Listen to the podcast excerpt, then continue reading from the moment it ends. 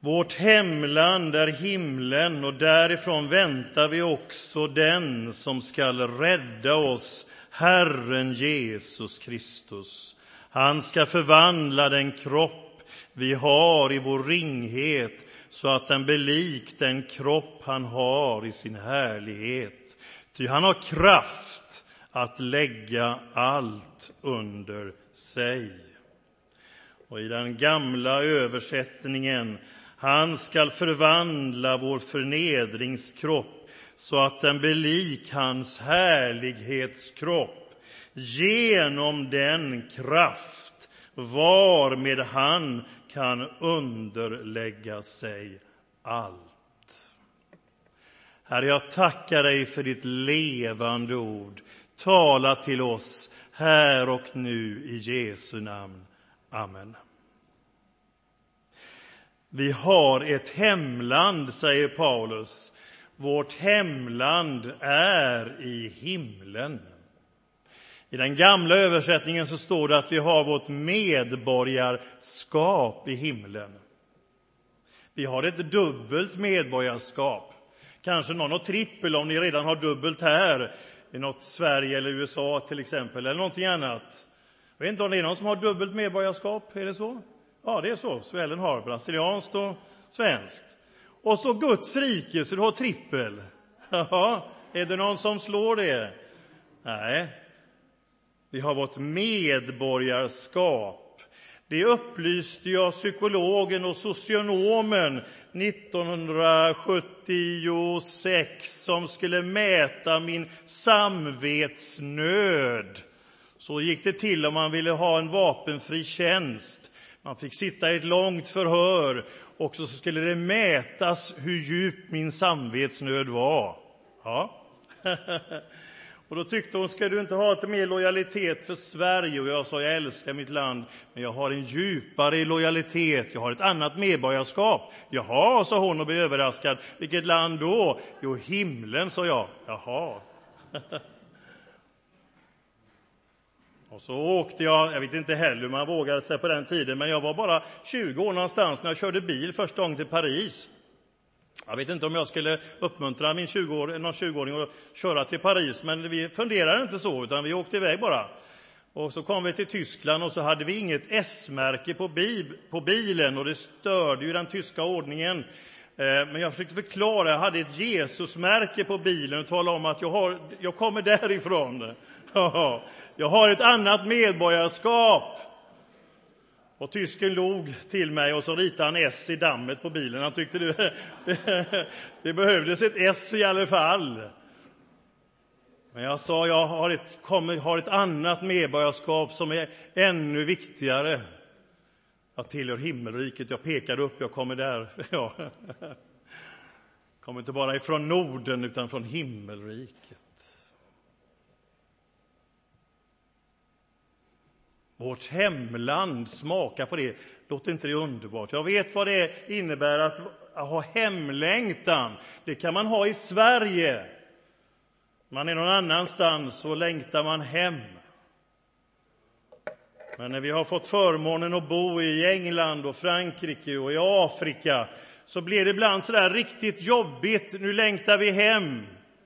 Det var spännande i både London och Paris, men ibland så längtade vi hem. Och vad gör man då om man är i London och Paris och längtar hem? Man går till Ikea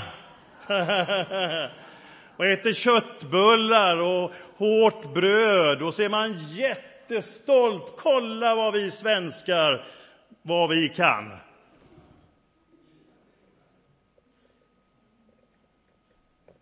Och jag är stolt över mitt hemland, tacksam för vårt land där jag är uppväxt. Men jag är ännu tacksammare för det hemland som jag vet finns där, där jag har mitt djupaste medborgarskap. Himlen, och därifrån väntar vi vår Herre Jesus Kristus. Hemlängtan fanns också i Afrika. Och när vi kände att nu längtar vi, trivdes i kulturen, det var så mycket spännande i Afrika att lära. Men någon gång kände vi, nej, nu vill vi skicka hit Vasaloppet på film. En videokassett med Vasaloppet och blåbärssoppa. Ja. Någon gång behövde vi det som, var, som hörde ihop med hemlandet och lite kaviar och annat.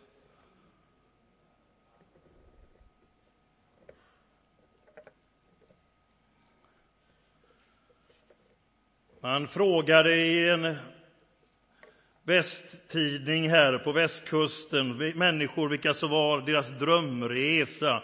Och det var ju Thailand naturligtvis, och det var Florida och lite olika platser. Men en glad pensionär vid namn Jarl, han säger det måste bli till himlen en vacker dag. Tycker jag var väldigt bra svarat. Det var Thailand och Florida och Peru och allt möjligt. Himlen en vacker dag. Och jag vågar påstå och säga att himlen som resmål är kanske underskattad. Vi har så fullt upp med allt. Men vi har ett hemland där vi kommer till vår rätt helt och fullt ut. När jag var i England eller var i Frankrike och vi höll på att traggla med franskan Engelskan gick lite bättre från ja, men franskan och jobba och skulle läras detta. Och jag tyckte jag hade fått ordning på lite hälsningsfraser och var inne och tankade och kände mig jättestolt. Och så säger han som hade den här bensinmacken, Auf Wiedersehen, sa han. Och då kände jag, nej, jag är ju inte tysk. Jag försökte prata franska med dig. Ja. Man kommer inte riktigt till sin rätt jag försöker lägga mig till med det franska och uttrycka mig, eller i Afrika med så långt jag kunde. Men jag var ju ändå begränsad, ändå. Men i himlen kommer vi till vår rätt. Det är vårt hemland, vårt djupaste, där vi hör hemma. Och så här skriver det i trons kapitel Hebreerbrevet om Abraham, i Hebreerbrevet 11 och vers 10. Ty Abraham väntade på den stad med fast grund som Gud själv har planlagt och byggt. Så Gud själv är byggmästaren, arkitekten. Han har planlagt, han har tänkt. I tro fick Abraham kraft att avla en son fast han liksom Sara var överårig. Han litade på den som hade gett löftet. Därför fick han den enda man som dessutom var som gott som död en avkomma talrik som stjärnorna på himmelen och de oräkneliga sandkornen på havsstranden. I tro dog alla dessa utan att ha fått vad de hade blivit lovade. De hade bara sett i fjärran, hälsat det och bekänt sig vara gäster och främlingar på jorden. De som talar så visar att de söker ett hemland och om de hade tänkt på det land som de lämnat kunde de ha återvänt dit. Men nu längtade de till ett bättre land, ett i himlen. Därför skäms inte Gud för dem, utan de får kalla honom sin Gud. Han har ju grundat en stad åt dem. De hade sett i fjärran, de hade anat ett bättre land. Det är inte så att vi sitter här och bara tänker att nu så glömmer vi allt runt omkring oss och bara väntar.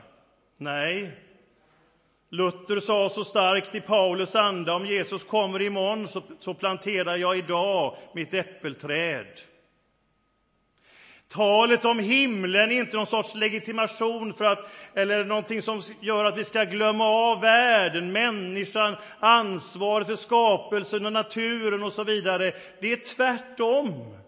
Det är talet om himlen som hjälper oss att rätt se proportionerna på livet här och nu, ta vara på relationer med människor och förvalta skapelsen.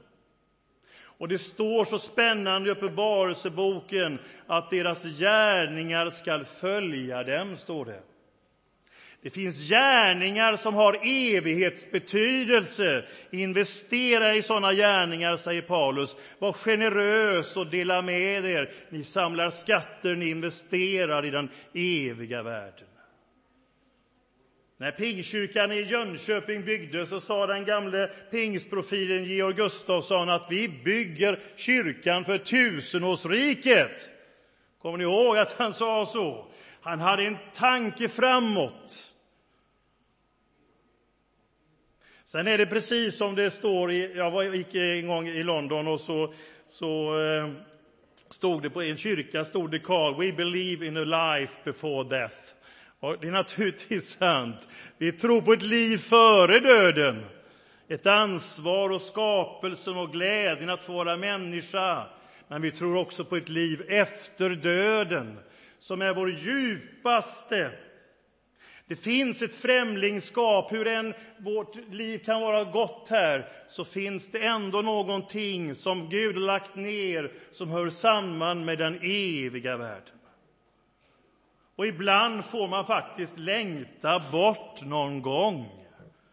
Vem var det som sjöng den? Kommer ni ihåg det? Lena Andersson 1971 som 15-åring. Idag heter hon Lena Andersson Hubbard och är en del av en pastorsfamilj i Phoenix, Arizona. Säg, är det konstigt att man längtar bort någon gång? Att man gärna vill lyss till lärkans trill eller trastens glada sång? Att man älskar hav och vindar och är trött på neon och betong? Är det konstigt att man längtar bort någon gång? Ja, tagit den lite högre. uh, och det får man lov. Ibland är livet jobbigt. Och det är inte konstigt om vi får längta bort någon gång. Det är, det är tillåtet att få längta till himlen.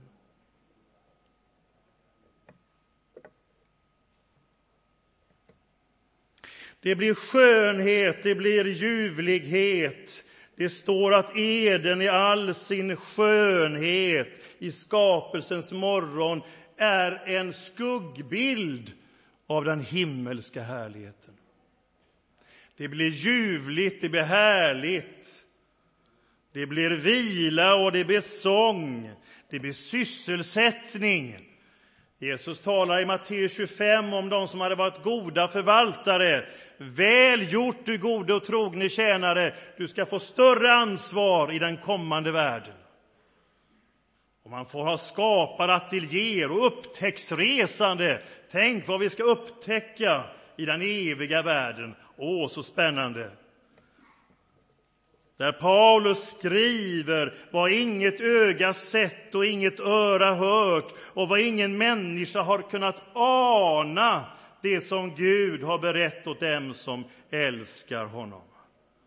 Det blir spännande och måltidsgemenskap och återseendets glädje. Det är klart att vi ska känna igen varandra, annars vore det ju inte kul. Det är klart det blir att vi känner igen varandra. Och man såg när Mose och Elia trädde in i denna världen med Jesus på förklaringsberget. Man kände ju igen dem. Ja, det var ju Mose och det var Elia, det förstod man. Det var ju dem. Man kanske inte hade sett dem förut, men man fattade att det var dem. det var ingen tvekan. Och Jesus i sin härlighetskropp. Ja, det ska bli så intressant. Så många människor jag ser fram emot att få, få möta och träffa. Men himlen är inte bara en sorts odödlighetstanke, att livet här och så fortsätter det vidare, utan det blir ett liv av en helt annan kvalitet. Han ska förvandla vår förnedringskropp, vår kropp i vår ringhet, så den blir lik han i hans härlighetskropp. Det blir något alldeles fascinerande och spännande. Det blir Guds kvalitet av liv fullt ut. Och den kristna tron är inte bara ett hopp så att säga, från ett liv som fortsätter, utan det är att hoppas på Gud, för himlen är ljuvlig därför att Gud är där. Jesus Kristus och stora måltidsfesten och gemenskapen och glädjen. Och himlen är ljuvlig och skön för allt som inte finns där. Ingen död, ingen synd, ingen ondska, ingen sjukdom. Allt det som smärtar oss.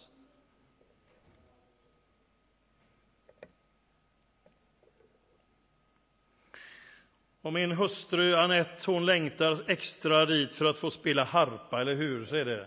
Ja. Harpa vill Anette spela och det har hon lagt till den delen av, av livet. Vi får se om det blir någon mer harpa innan dess, Anette, men man vet aldrig. Nej, det blir i himlen. Ja.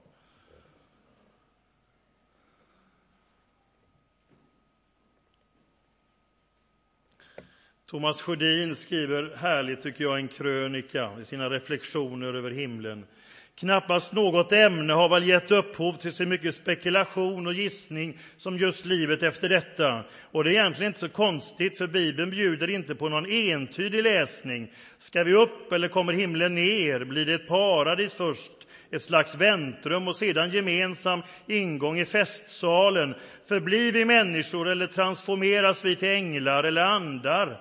Det lönar lite att gissa det uppenbarelsen tiger och ändå föder bilderna bilder, bilder som förändras livet igenom. På livets höjder är himlen inte sällan mäktiga vatten och sång som dånar likt vattenfall. Himlen är en fest som ständigt är på topp, ett evigt klimax. 20 år senare sitter samma människa trött av ett yrkesverksamt liv och tunga förluster och orkar inte ens tänka tanken på en evighet med hög musik och änglamingel.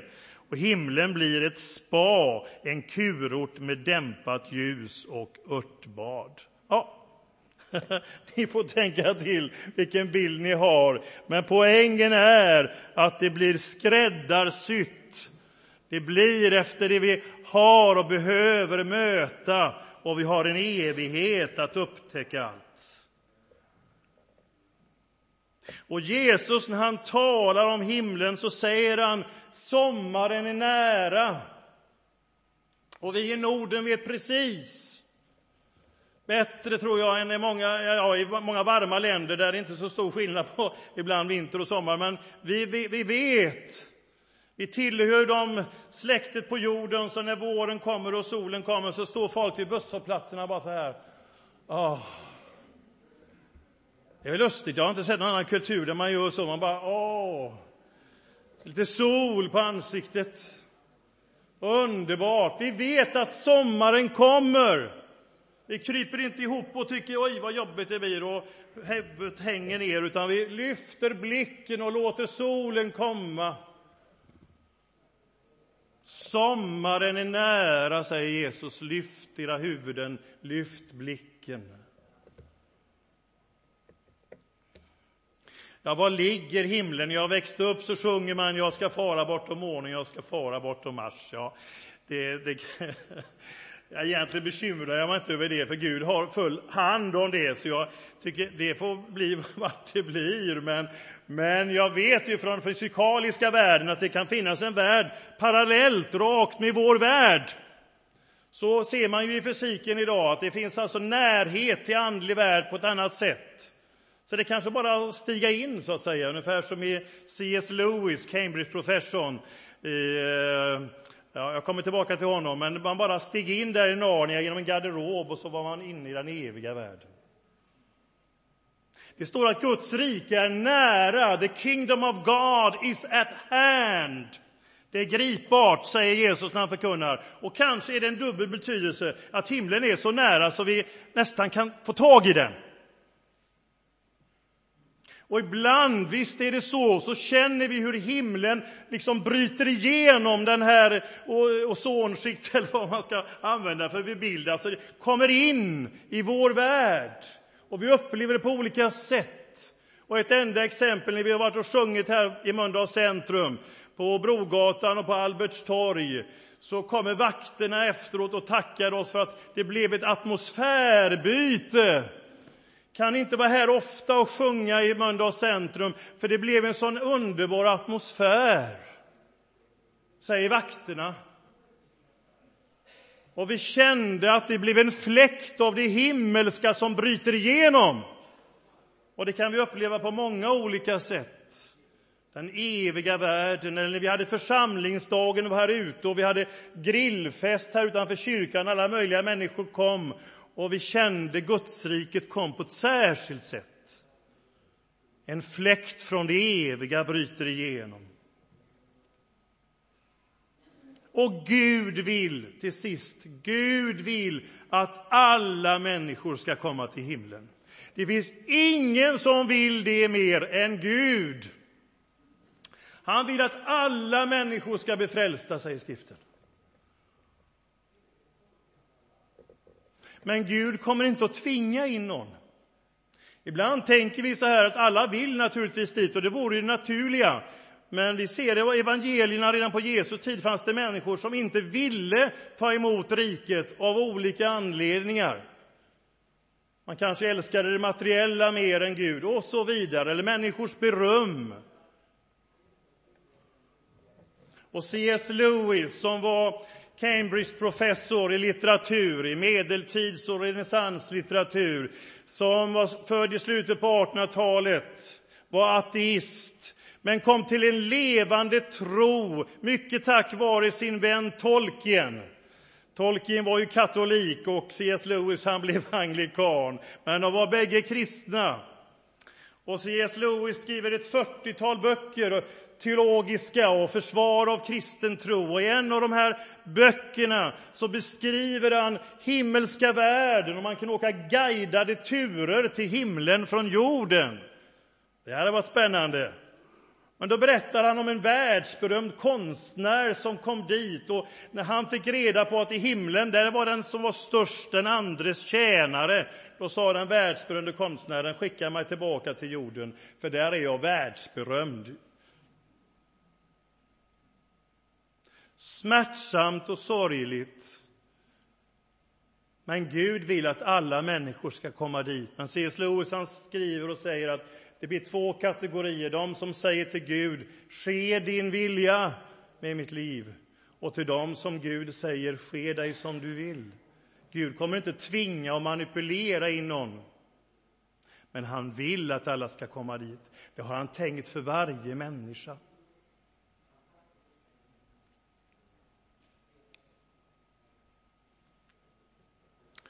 Och Jesus orden kommer till oss där Jesus säger, jag är uppståndelsen och livet. Den som tror på mig ska leva om han än dör, och den som lever och tror på mig skall aldrig någonsin dö. Och det citerar jag när jag är vid mina föräldrars och släktingars grav. Jag är uppståndelsen och livet. Den som tror på mig ska leva om han än dör. Och den som lever och tror på mig ska aldrig någonsin dö. Döden är en fiende till gemenskapen. Men döden har inte fått sista ordet, utan livet vann och dess namn är Jesus.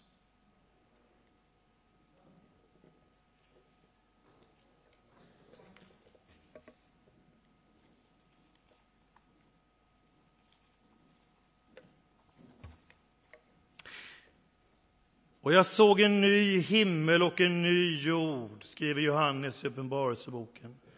Ty den första himmelen och den första jorden var borta och havet fanns inte mer.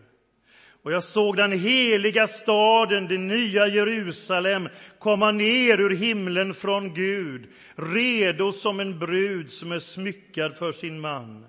Och från tronen hörde jag en stark röst som sa, se, Guds tält står bland människorna och han skall bo ibland dem och det ska vara hans folk.